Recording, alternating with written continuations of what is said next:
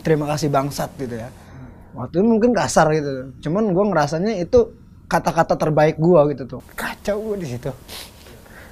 Capek waktu itu capek. Capek. Capek. Ya Allah kata gue apa seperti ini gitu? Menjalani hidup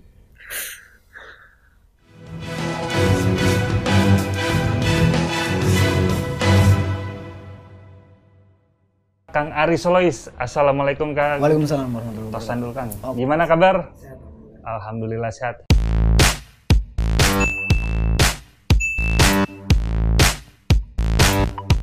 Kang Ari, gue pengen tahu nama asli lu siapa sih sebenarnya? nama gue aslinya Safari Safari apa nih? Safari Ramadan, Safari Malam, Taman Safari. Safari aja itu pemberian orang tua gue Terus kenapa pakai nama panggung Ari Solois? Eh Ari Soles itu karena gue sedang mencoba berkarir solo Solo karir. solo ya? karir kebalik Kang Ari, gue pertama kali lihat lu perform, gue langsung jatuh cinta sama suara lu tentunya ya. Dan gue lihat tampang lu nih tampang musisi banget, mirip gitarisnya si Lawn Seven, siapa tuh Eros Jarot, Eros Chandra, Eros Jarot mah beda lagi. kalau itu eh, Eros beneran kalau ini boros Boros ya. Kang Ari, gua waktu pertama kali lihat lu perform, terus nggak lama gue lihat sosmed lu ya.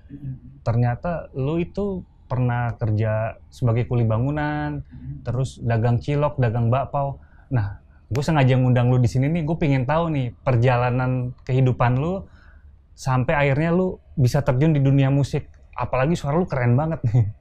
Ya, silakan, mau gue diceritain Kang Ari. perjalanan eh, kehidupan mungkin ya perjalanan kehidupan gue itu emang dari kecil mungkin dibilang gue eh, terakhir di keluarga yang tidak seberuntung orang-orang mungkin gitu ya dalam ke tanda kutip eh, gue pas-pasan lah gitu ya untuk kehidupannya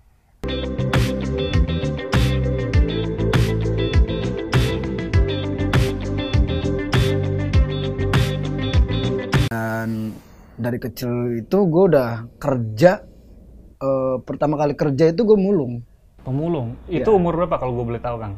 itu sekitar umur 7 8 tahun. Ih, berarti sekitar SD harusnya normalnya kelas 2, kelas 3 SD. betul betul betul Lu udah kerja mulung. udah mulung gue Oke, gue pengen tahu nih cerita mulung lu kayak gimana nih. gue mulung biasanya eh, dari rumah bawa karung biasa kan keliling bawa keliling dan itu gue lakuin setiap hari setiap eh, mau berangkat sekolah setiap mau berangkat sekolah gue mulung dulu itu ke udah udah selesai mulung baru gue sekolah gitu. Baru gue berangkat eh, dan itu gue lakuin sampai kelas 5 SD hampir setiap hari gue lakuin gitu. Karena gue sendiri merasa butuh gitu. Keadaan keadaan situasi orang tua gue tuh ya ya kayak gitu gitu. Kalau untuk jajan sendiri untuk normalnya orang-orang kan bisa beli apa gitu. Cuman gue bisa ngelihatnya ngelihat doang gitu tuh. Makanya gue harus ngelakuin sesuatu untuk untuk apa jajan gue sendiri gitu. Berarti karena lu membutuhkan sesuatu dari yang mungkin orang lain bisa dapatkan tapi lu nggak bisa dapatkan, lu pingin jadi lu cari cara gimana caranya Ya, biar mendapatkan itu ya. betul betul. Dan dan setelah apa gue merasa punya rasa malu ya punya rasa malu gue pindah profesi waktu itu. Jadi apa tukang abu gosok. Dan abu gosok pun sama gue ngambil dari eh, pembakaran bata ya waktu waktu kalau di kampung itu pembakaran bata itu gue minta sama orangnya gitu kan gue karungin gue muterin gitu ya sampai ya pernah sih kejadian ke eh, waktu keliling tuh nggak nggak ada yang beli sama sekali gitu. Itu masih SD ya. itu masih SD dan gue ngerasanya sedih aja gitu. Sedih ketika apa eh, anak-anak seusia gue main gitu kan gue harus berjuang kadang-kadang sambil hujan-hujanan gitu kan. Cuman di di hati gue tuh ah ini perjalanan ah ini perjalanan. Waktu kecil pun saya udah udah berpikiran dewasa gitu. Loh waktu kecil pun.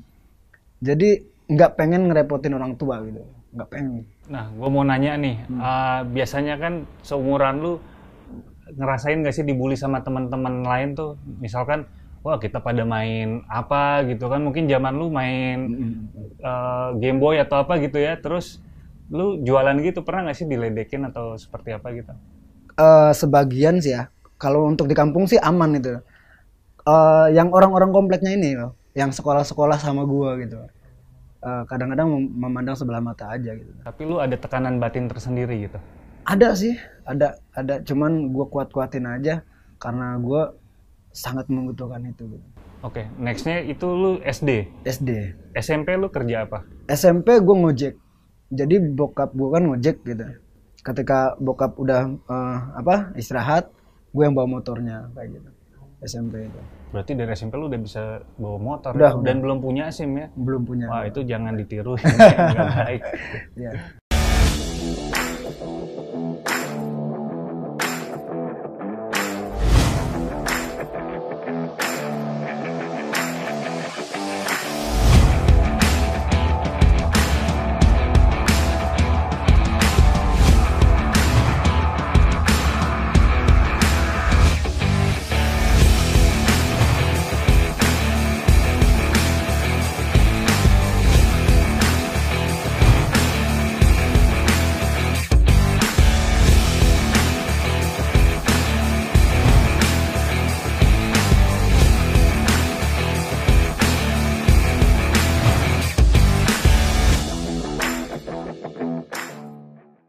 SMP ngojek sampai gue kuli bangunan.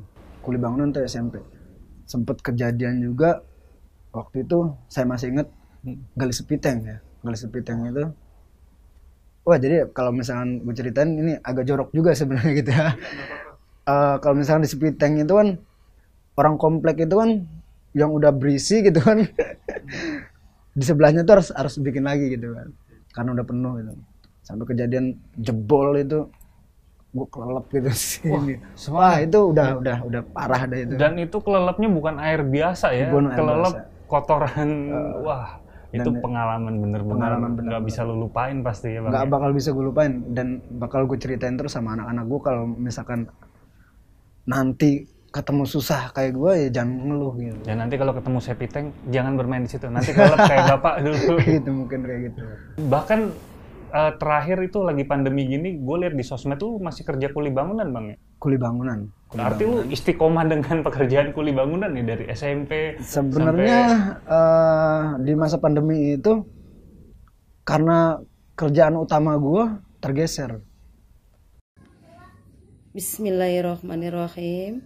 Assalamualaikum warahmatullahi wabarakatuh. Saya Umi Sapna, orang tua dari Ari. Saya sebagai orang tua Ari mengucapkan selamat untuk lagunya yang sudah rilis. Perjuangan Ari dari kecil sudah membantu orang tuanya sedari kecil. Ari pernah jadi pemulung, ngojek, dan ngamen di jalanan.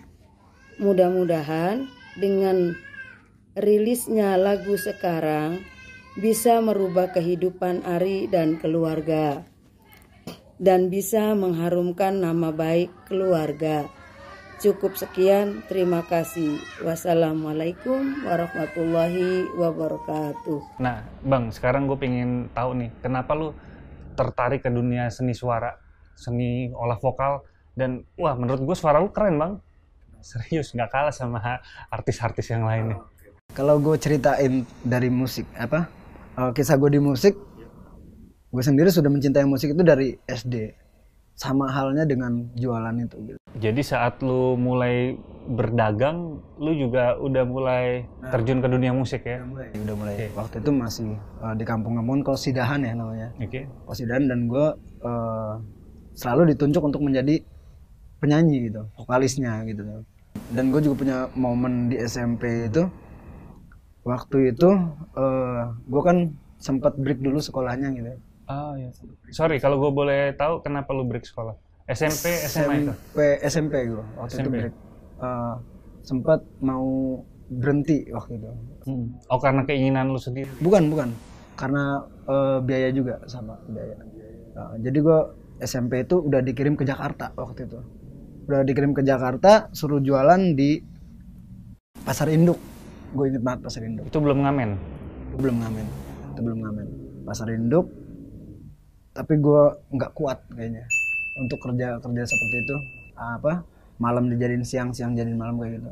Akhirnya gue pulang cuman eh, waktu pulang itu kaget gue juga di rumah itu udah ada gitar gitu dari nyokap gue jadi gue dikasih gitar ya udah dari situ mulai tuh Mulai belajar ya. mulai belajar mulai belajar aktif gitu SMP udah mulai manggung karena gue juga udah masuk SMP lagi waktu itu Dari SMP lu udah mulai Nah. manggung. Sorry kalau gue boleh tahu, lu sekolah sampai apa nih?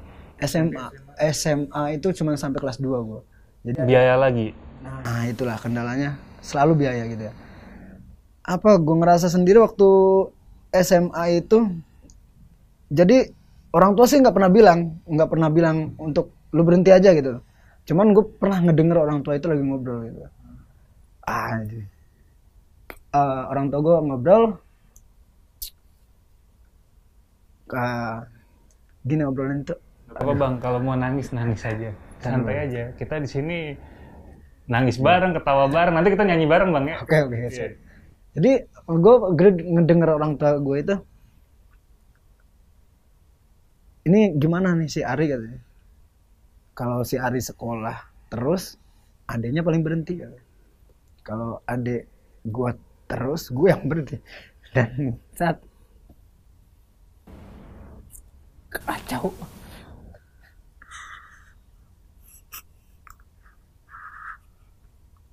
Kacau gue di situ. Ya gue bisa ngerasain gimana. Jadi lu uh, ini juga ya. Lu di situ dilema ya. Ya. Di satu sisi lu pingin melanjutkan sekolah lu, tapi lu harus mengalah dengan adik lu. mungkin mungkin itu itu salah satu pilihan eh, yang terberat di hidup gue gitu ketika gue sen- seneng belajar gitu harus berhenti sekolah Tapi lu nemuin jalan kehidupan lain di dunia musik bang. ya Dan sekarang lu cukup dikenal di kota Serang ya. Bahkan Alhamdulillah, gua- alhamdulillah. alhamdulillah ya. alhamdulillah Iya. jadi gue bersyukurnya ya mungkin itu proses dari sekolah alam mungkin ya yang gue sebut sendiri sekolah alam gue sendiri merasa bersyukur sekarang ketika eh, semuanya udah bisa gue lalui Iya, Mungkin saat waktu itu kalau lu lanjutin sekolah, kita berpikir positif aja ya. Mungkin lu nggak bisa uh, fokus di musik. betul betul betul ya itulah eh, sampai sekarang rasa syukur itu ada gitu tuh. Ketika gue udah nemuin jalan gue sendiri di musik gitu. Gue pengen tahu nih, lu nemu jalan di musik tuh gimana? pertama pure di musik itu gue pernah kerja di studio musik. Studio musik di eh, apa komplek yang sering gue apa namanya pulung itu ya. Jadi gue ada studio gue ngelamar kerja di situ sebagai tukang sapu sih waktu itu. Sebagai tukang sapu eh ketemulah sama guru vokal waktu itu. Bang Andreas itu. Oke, sekarang gue pengen tahu Bang Andre menurut lu gimana nih? waktu itu eh keadaan pulang pulang pulang dari tempat kursus di salah satu kursusan Serang. Beliau melihat eh, saya main gitar sambil nyanyi gitu kan. Waktu itu masih inget banget gue lagunya eh, Ipang BP ada yang hilang.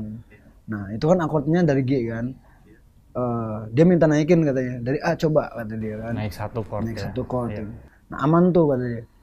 Coba dari B naikin lagi. Oh, oh, satu lagi. Berarti udah dua kan. Nah, gue pengen denger nih biar lu bisa ngilangin kesedihan lu. Jadi kan ada yang hilang ya, kita hilangin kesedihan lu deh. Butuh gitar nggak nih? butuh sih gua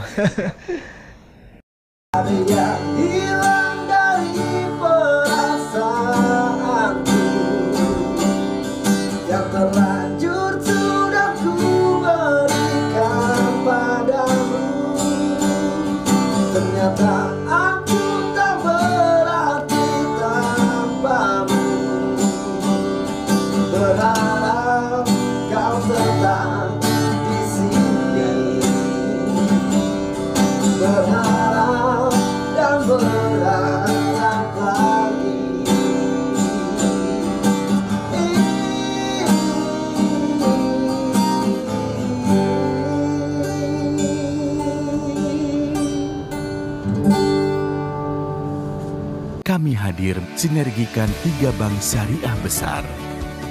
Bertransformasi menjadi bank yang inovatif, modern, dan memiliki visi global. Bank Syariah Indonesia.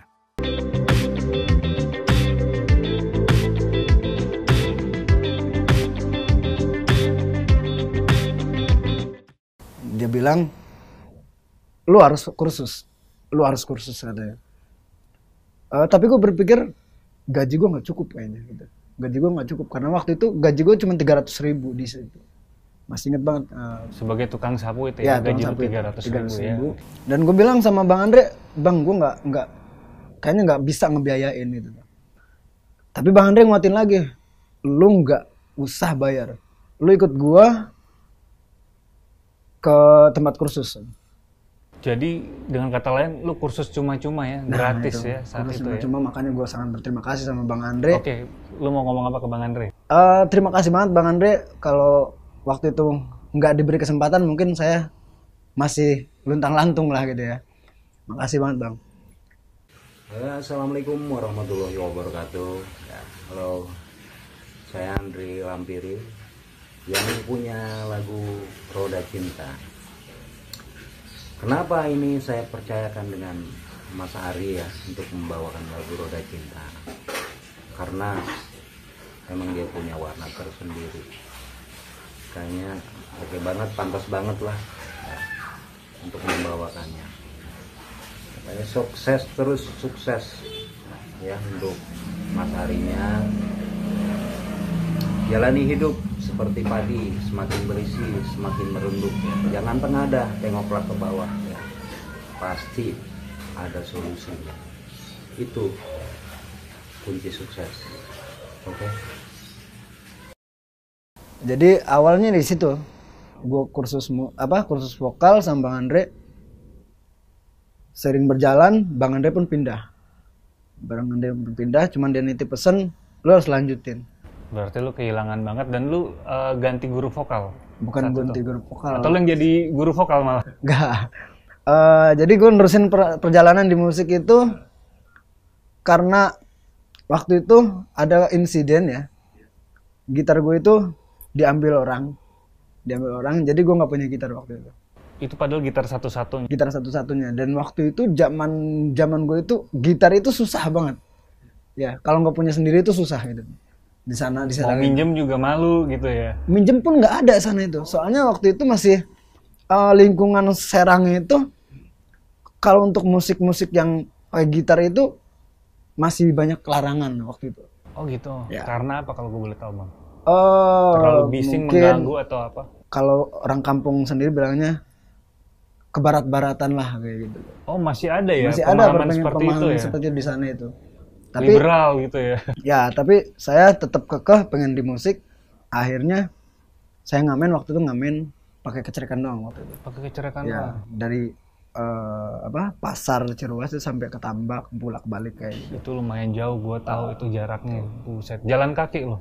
ya di angkot-angkot sih sebenarnya di angkot-angkot gue ngikut aja nah dari situ pertama kali gue ke kafe itu ada salah satu kafe juga di Ciruas itu waktu dulu banget itu ada live musik Oke. Nah dari live musik itu gue ketemu lagi sama pemain-pemain band.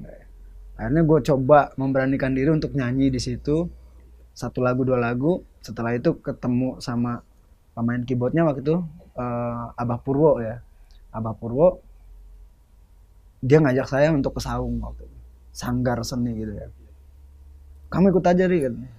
Nah itu mulai lagi tuh, mulai ada semangat lagi eh untuk apa nyalurin hobi gue di musik ya. Sampai akhirnya sampai sekarang lu ngamen terus cafe to cafe ya. Ya betul betul. Dan lu juga udah ngerilis single. Wih, keren. Alhamdulillah. Nih, selamat banget Bang. Gua bangga banget.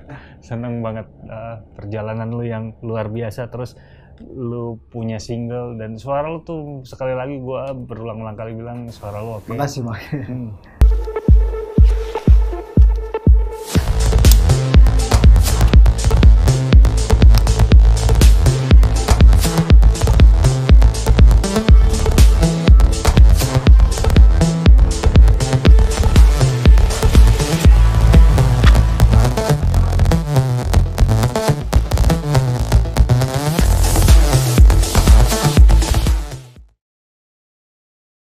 Apa dari karir gue yang sekarang ini nggak nggak stake di sesuatu yang kayak gini gitu.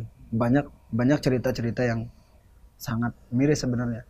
Waktu Abah Purwo ngebawa gue ke Serang pun gue kan nggak punya kendaraan gitu. Kala itu. Jadi gue sering jalan kaki dari Ciruas ke Serang kota gitu. Itu gue lakuin setiap hari.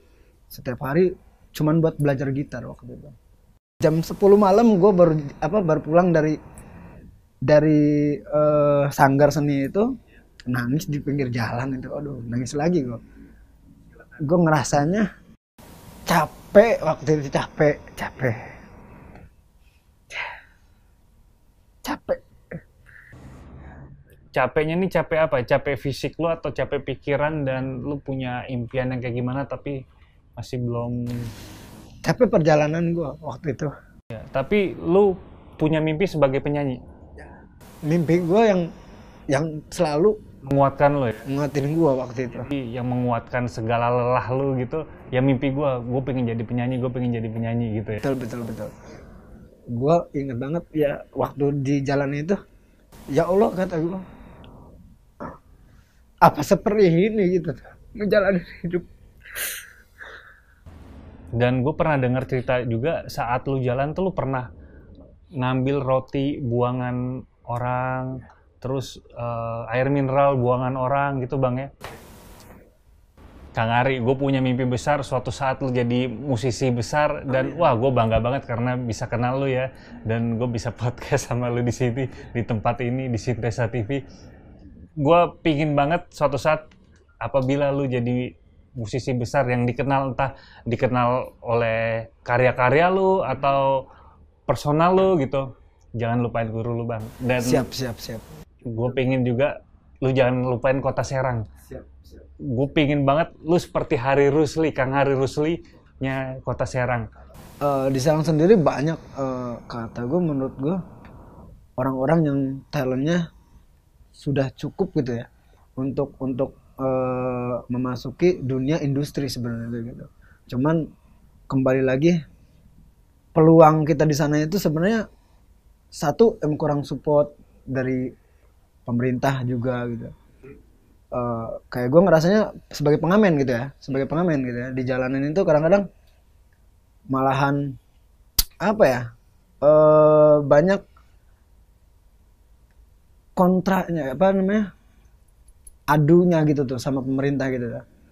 jadi gue sendiri ngerasanya wah kayaknya kurang perhatian nih gitu tuh. Bahkan gue sendiri pernah terseret di salah satu kasus yang di Banten itu ya. Salah- Eh, itu kasus Dewan Kesusilaan Banten sebenarnya gue merasa waktu itu eh, pernah nulis juga terima kasih bangsat gitu ya. Waktu itu mungkin kasar gitu. Cuman gue ngerasanya itu kata-kata terbaik gua gitu tuh untuk seniman yang yang sudah menodai apa uh, wadah untuk seniman sendiri gitu di Banten. Virus menyebab empati, lawan dengan empati, buanglah egomu, kuatkanlah unity. War in 2020, gak pakai firepower, gunakan disinfektan, sanitizer, juga masker. Yalah wapon, yalah wapon, yalah wapon. حب الوطن من الإيمان ولا تكون من الهرمان انهدوا على الوطن Siapa datang mengancammu Dan binasa di bawah durimu Eh, ungkapan hati Iya, lu ya sebagai musisi yang lu merasa ternodai Nah, kalau gue boleh tahu kasusnya kayak gimana itu tuh waktu itu eh, kasus korupsi sebenarnya kasus korupsi dari eh, dana untuk seniman gitu ya seniman sebanten. Tiba-tiba ya begitulah. Dikemasnya tidak tidak begitu wah dan bayarannya pun tidak sesuai. Tapi lu dapat panggung di situ? Gue waktu itu eh, ngebantu itu sebagai soundman waktu itu. Oh, ngebantu sebagai soundman dan gue juga cari talent juga. Cuman yang gue nggak habis pikir itu sampai gue terseret beberapa kali dipanggil kepolisian gitu ya di sebagai sorry sebagai saksi atau pelaku atau tersangka atau gimana Eh, kalau untuk itu awalnya sih kan tersangka sebenarnya karena di situ ada tanda tanda tangan gue yang eh, ada nominal uang yang sebenarnya gue nggak terima gitu nggak pernah gue terima Tapi lu tanda tanganin itu atau tanda tangan lu dipalsuin? bukan dipalsuin emang itu palsu gitu tuh karena nggak sama gitu tantangan cuma nama gue ini aja gitu tuh. Lu nggak merasa tanda tangan di situ? betul betul gue ngerasain tantangan dua kali gue dipanggil dan polisi pun sudah apa eh, mencocokkan tanda tangan gue gitu kan dan itu salah ya gue cuma jadi saksi kok Alhamdulillah ya, nggak terseret ya. Nah pelakunya tuh gimana? ah kalau pelakunya sendiri udahlah nanti ya hukuman Tuhan aja lah itu mah gitu aja Iya, iya moga-moga pelakunya nonton ya. ya moga-moga cepat diselesaikan lah biar eh, seniman Serang itu seniman Banten itu bisa mendapatkan sesuatu wadah yang bagus lagi gitu. Dan yang sepantasnya. betul Nah, berarti eh, korupsinya itu berarti kalian harusnya dapat bayaran tapi di benar benar Eh, itu ada beberapa yang tanda tangan dipalsukan ada yang beberapa bayaran itu eh, dari sana misalkan 15 juta gitu kan keterima itu cuma 8 juta 7 juta sampai 5 juta ada yang 2 juta 500 waktu itu saya ngeliat di, di per orang atau per komunitas? per komunitas Per komunitas. Wow, oke oke. Nih Bang Ari, gue mau nanya nih, artis sukses buat lo apa sih? Karena sukses itu kan beda-beda ya. artis sukses buat gue ini gini loh ketika lo mau berproses eh bukan berproses artinya ketika lo berkeinginan gitu nah lo harus berproses berproses mendekati keinginan itu dan melaksanakan eh, apa yang kamu inginkan gitu. itu artis sukses buat gue kalau kalau orang kan berpikiran sukses itu bawa mobil ya kan banyak uang itu sih bukan sukses menurut gue itu kaya Lu udah merasa sukses nggak sekarang? sejauh ini gue sangat bersyukur aja Syukur aja. bersyukur ya bersyukur eh, bisa di titik seperti ini dari gue kecil begitu kan Oke. eh, punya mimpi yang sebesar ini menurut gue besar ini gitu. Karena gue sendiri ya eh, terbilang terakhir bukan dari orang eh, dari keluarga yang beruntung gitu. Gue merasa udah sudah udah sudah sangat bersyukur. Apalagi di tahun 2021 ini gue bisa ngeluarin single gitu ya. Dan itu benar-benar niat gue untuk apa eh, serius di musik gitu. Selama ini kan gue cuman rekaman tuh lewat HP lew- lewat HP gitu kan tapi di 2021 ini kenapa nggak tahu kenapa eh, jiwa musik gue tuh bergejolak gitu ya pengen banget ngeluarin satu single yang serius gitu Dan alhamdulillah tercapai. dan ya. alhamdulillah tercapai Dan semoga dengan lu di tayangan ini nih nanti semakin banyak yang kenal. Amin, Mungkin amin, lagu amin. lu juga ini eh, apa banyak dikenal ya. Amin, nah, gue pengen nanya nih bang, Eh, lu tuh lebih pingin dikenal personal lu atau karya-karya lu? Kan ada seniman yang, oh gue lebih seneng karya gue, gue nggak terkenal nggak apa-apa. Yang penting karya-karya gue dikenal orang, dibawain gue seneng gitu. sebenarnya kalau untuk pelakon seni sendiri sih lebih memilih karyanya yang dikenal gitu Eh, Tapi lu nggak terkenal nggak apa, yang penting karya-karya gue dikenal. betul gitu. betul itu yang yang utama itu eh, karena karya itu abadi gitu karena kalau kita kan ada fasenya gitu kan ada fasenya tua itu udah nggak bisa apa-apa gitu. kecuali karya kita dibawakan lagi sama anak cucu kita kayak gitu dan itu menurut gua eh, apa ya keinginan gue itu ya karya itu sendiri yang muncul itu Bang, gue pengen denger nih, uh, lu nyanyiin lagu single Roda Cinta ya. Iya, nanti lu tolong bawain di sini ya Roda Cinta. Dan uh, ada satu lagu religi lu yang gue suka banget tuh. Nanti kalau lu nggak keberatan di sini juga itu sebagai perjalanan spiritualitas lu, perjalanan hidup lu, lu tuangkan di dalam lagu ya. siap siap siap Enaknya seniman gitu bang ya. Kita galau, kita apa, tulis-tulis aja jadi lagu, ada gitar, ada piano. Dan musikalitas lu keren juga sih, lu bisa main piano, bisa main gitar ya. Ampunilah segala dosaku passar.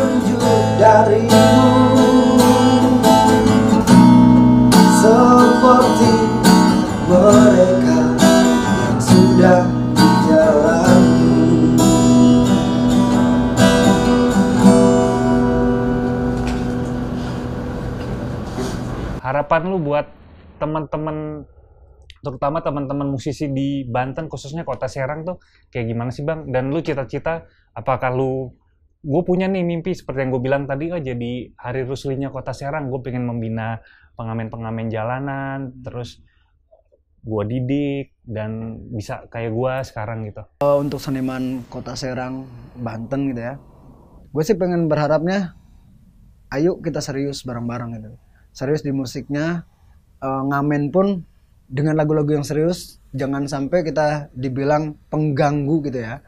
Pengganggu di perjalanan eh, mulailah serius itu mulai serius. Yang penting kita berproses berusaha insya Allah hasil tidak akan berkhianat gitu. Karena nggak semua pengamen eh, seberuntung lu dalam arti dapat tempat cafe to cafe. Ada kadang gimana perasaan lu? Misalkan masuk komplek ada tulisan pengamen dilarang masuk gitu kan. Kasihan mereka yang nggak dapat tempat. Kalau lu beruntung karena tapi itu proses juga ya. Proses lu bisa main cafe to cafe dan lu banyak kenal owner owner cafe. Terus apalagi udah rekaman gitu bang ya. Itu tadi eh, nikmati prosesnya aja. Kalau misalkan eh, untuk di musik sendiri ya nggak bisa seinstan. Karena kita kan bukan anak-anak dari Abu Rizal Bakri ya gitu ya. Yang bisa eh, ya gitu kan. Kita harus berproses dari bawah tengah atas. Mungkin dari atas ini kita ke bawah lagi gitu kan. Itu kan eh, sebenarnya proses-proses pendewasaan bukan untuk apa bukan untuk orang lain tapi di, untuk diri kita sendiri gitu loh. Makanya ketika ada masalah jangan nyerah lo gitu. Lo hadapin deh. Ah, betul. Berarti sebagai pengamen tuh kalau lihat ada tulisan pengamen dilarang masuk rasanya kayak udah mau merit udah nyiapin mahar batal kali ya. Gue sendiri gue sendiri eh, gini sering sering sering sering lawan sih kalau gue sendiri. Ketika ada tulisan kayak gitu gue jojong aja. Jojong tuh eh, ya terus lanjutin gini, lanjutin. Iya betul jojong itu bahasa Serang. Ah, jadi gue lanjut aja lanjut lanjut masuk komplek itu. Terserah ada orang yang mau apa ngasih ataupun tidak. Tapi kebanyakan orang ketika kita performnya bener gitu tuh. Perform ya? Ya performnya bener lagunya lagunya asik gitu ya. Eh, hafal semua liriknya kadang-kadang orang juga mikir itu tuh. Ngasih tapi emang kebanyakan pengamen-pengamen itu kan males untuk ngulik gitu ya. Jadi baru rapnya doang udahan baru rapnya doang. Kalau gue sendiri ngamen gue di tukang bakso aja tiga lagu baru gue berhenti tiga lagu baru berhenti tiga lagu baru berhenti dan itu nggak tanpa gue minta pun orang itu ngasih ke depan gue gitu berarti full lagu full Iya, lagu full itu. Makanya kalau mau jadi pengamen yang eh apa dihargai, lo hargai diri lo sendiri dulu gitu. Untuk kalau mau jadi sesuatu yang dihargai, hargai diri kita sendiri. Betul, betul. Bang Ari, Oke. gak banyak yang tahu nih. Ah, ah. Lu udah berkeluarga apa belum bang? Gue udah, udah berkeluarga udah. Anak lu berapa? Anak gue tiga, Istri lu? satu. Satu, alhamdulillah. nah, gue pengen nanya, lu kan sekarang kan eh, apa namanya siang ngamen di tukang bakso, terus kafe to kafe. Nah, gue pengen tanya nih, mau nambah istri nggak bang? Asik nama istri. gue mau nanya, lu cukup nggak bang? Alhamdulillah, lu? alhamdulillah. eh gue dari tadi yang berproses tadi ya, gue sudah menemukan titik-titik di mana gue sudah nyaman di musik dan gue sudah berpenghasilan yang cukup lah gitu, cukup. Nah, lagi pandemi gini kan berarti itu tergantung pengunjung ya. Atau misalkan dari kafe tuh yang kafe tuh kafe itu lu ada dapat gaji pokoknya dari kafe atau enggak atau memang ada kotak dikasih gitu. Nah kalau untuk fee yang di kafe itu sebenarnya malam minggu itu ada budgeting gitu ya. Tapi ketika eh, malam biasa itu kita ngincleng, ngincleng Nginceleng namanya tuh ya. eh, Eh, pakai kotak. oh pakai kotak. Kalau Iya, sana iya. itu ngincleng. Gitu. Nginceleng ya. Ya. Oh gitu. Jadi itu tergantung pengunjung ya. Kalau Tergantung pengunjung sepi pengunjung. ya penghasilan berpengaruh juga ya. Sebisa mungkin eh, pengamen itu harus punya relasi. Kalau gue sendiri eh, mindset gue ketika gue ngamen gimana caranya kafe itu ramai gitu. Makanya gue selalu eh, ke pengunjung itu gue selalu minta nomor HP. Minta nomor HP dan gue share selalu kalau gue lagi main di sini gitu, kafe sini, kafe sini dan itu eh, sangat berpengaruh, sangat berpengaruh. Nah bang, sorry nih, gue mau nanya nih, sorry tuh saya nih. Eh, kan lu waktu zaman ngamen bahkan sekarang masih ngamen ya. Mm, mm. Anak lu tiga kan. Nah, paling gede umur berapa sih bang? enam tahun 6 tahun. 6 tahun tuh udah ngerti belum nanya, eh, wah bapak gue pengamen ada nggak teman-teman yang nanya, bapak lu kerja apa gitu? ada sih cuman eh, anak gue seneng jadi jadi eh, semua anak gue itu seneng musik seneng musik karena ya itu tadi makanannya musik tiap hari gitu Mungkin anak lu bilang, sekarang bapak gua ngamen, besok jadi artis besar. amin amin amin Bang Ari, video klip gimana bang di single baru lu ini? Eh kebetulan belum ada dan gue sih berharapnya ada yang bantu gue di sini ya. Karena gue sendiri eh sudah kewalahan sebenarnya ini untuk ngeluarin single yang bener ya. Karena single yang bener itu ternyata membutuhkan biaya yang lumayan gitu. Nah, jadi gue berharapnya ya ada lah gitu orang yang mau ngebantu gue di sini gitu. Gue doain insya Allah ada yang bantu dan video klip lu eh, terrealisasi. Amin, di- amin, amin, amin, amin. Apa namanya? Ada yang buat gitu ya. amin amin Bilang ke yang buat, gue diajak jadi talent video klip lu gitu. oke siap siap siap siap Nih Bang Ari, gue bener-bener seneng banget uh, Alhamdulillah, alhamdulillah. ngundang lu di sini. Terus wah gue kayak punya semangat juga nih. Ternyata banyak yang perjalanan hidupnya, ah gue nih masih belum ada apa-apanya gitu. Gue pengen lu kayak yang tadi gue bilang lu nyanyi. Tapi gue juga pengen nih bang musik jiwa musik gue muncul lagi. Gue pengen nanti gue main gitar lu nyanyi bang ya. boleh Hah? terserah lu mau lagu apa. oke siap Ya, makasih banyak sekali lagi. sama-sama om sama-sama Sampai ketemu. Oke, Sukses siap. Terus Kang Ari. Assalamualaikum warahmatullahi wabarakatuh. Waalaikumsalam warahmatullahi wabarakatuh Demikian kisah inspirasi dari sahabat saya, Bang Ari Solois. Ada satu quotes menarik. Kebahagiaan hidupmu tergantung bagaimana kualitas pikiranmu. Marcus Aurelius. Jangan lupa saksikan terus program inspirasi hanya di Sintesa TV, number one TV channel. Akhir kata mohon maaf kalau ada salah. Assalamualaikum warahmatullahi wabarakatuh. Coba tanyakan lagi pada hatimu Apakah sebaiknya kita putus atau terus? Kita sedang mempertahankan hubungan Atau hanya sekedar menunda perpisahan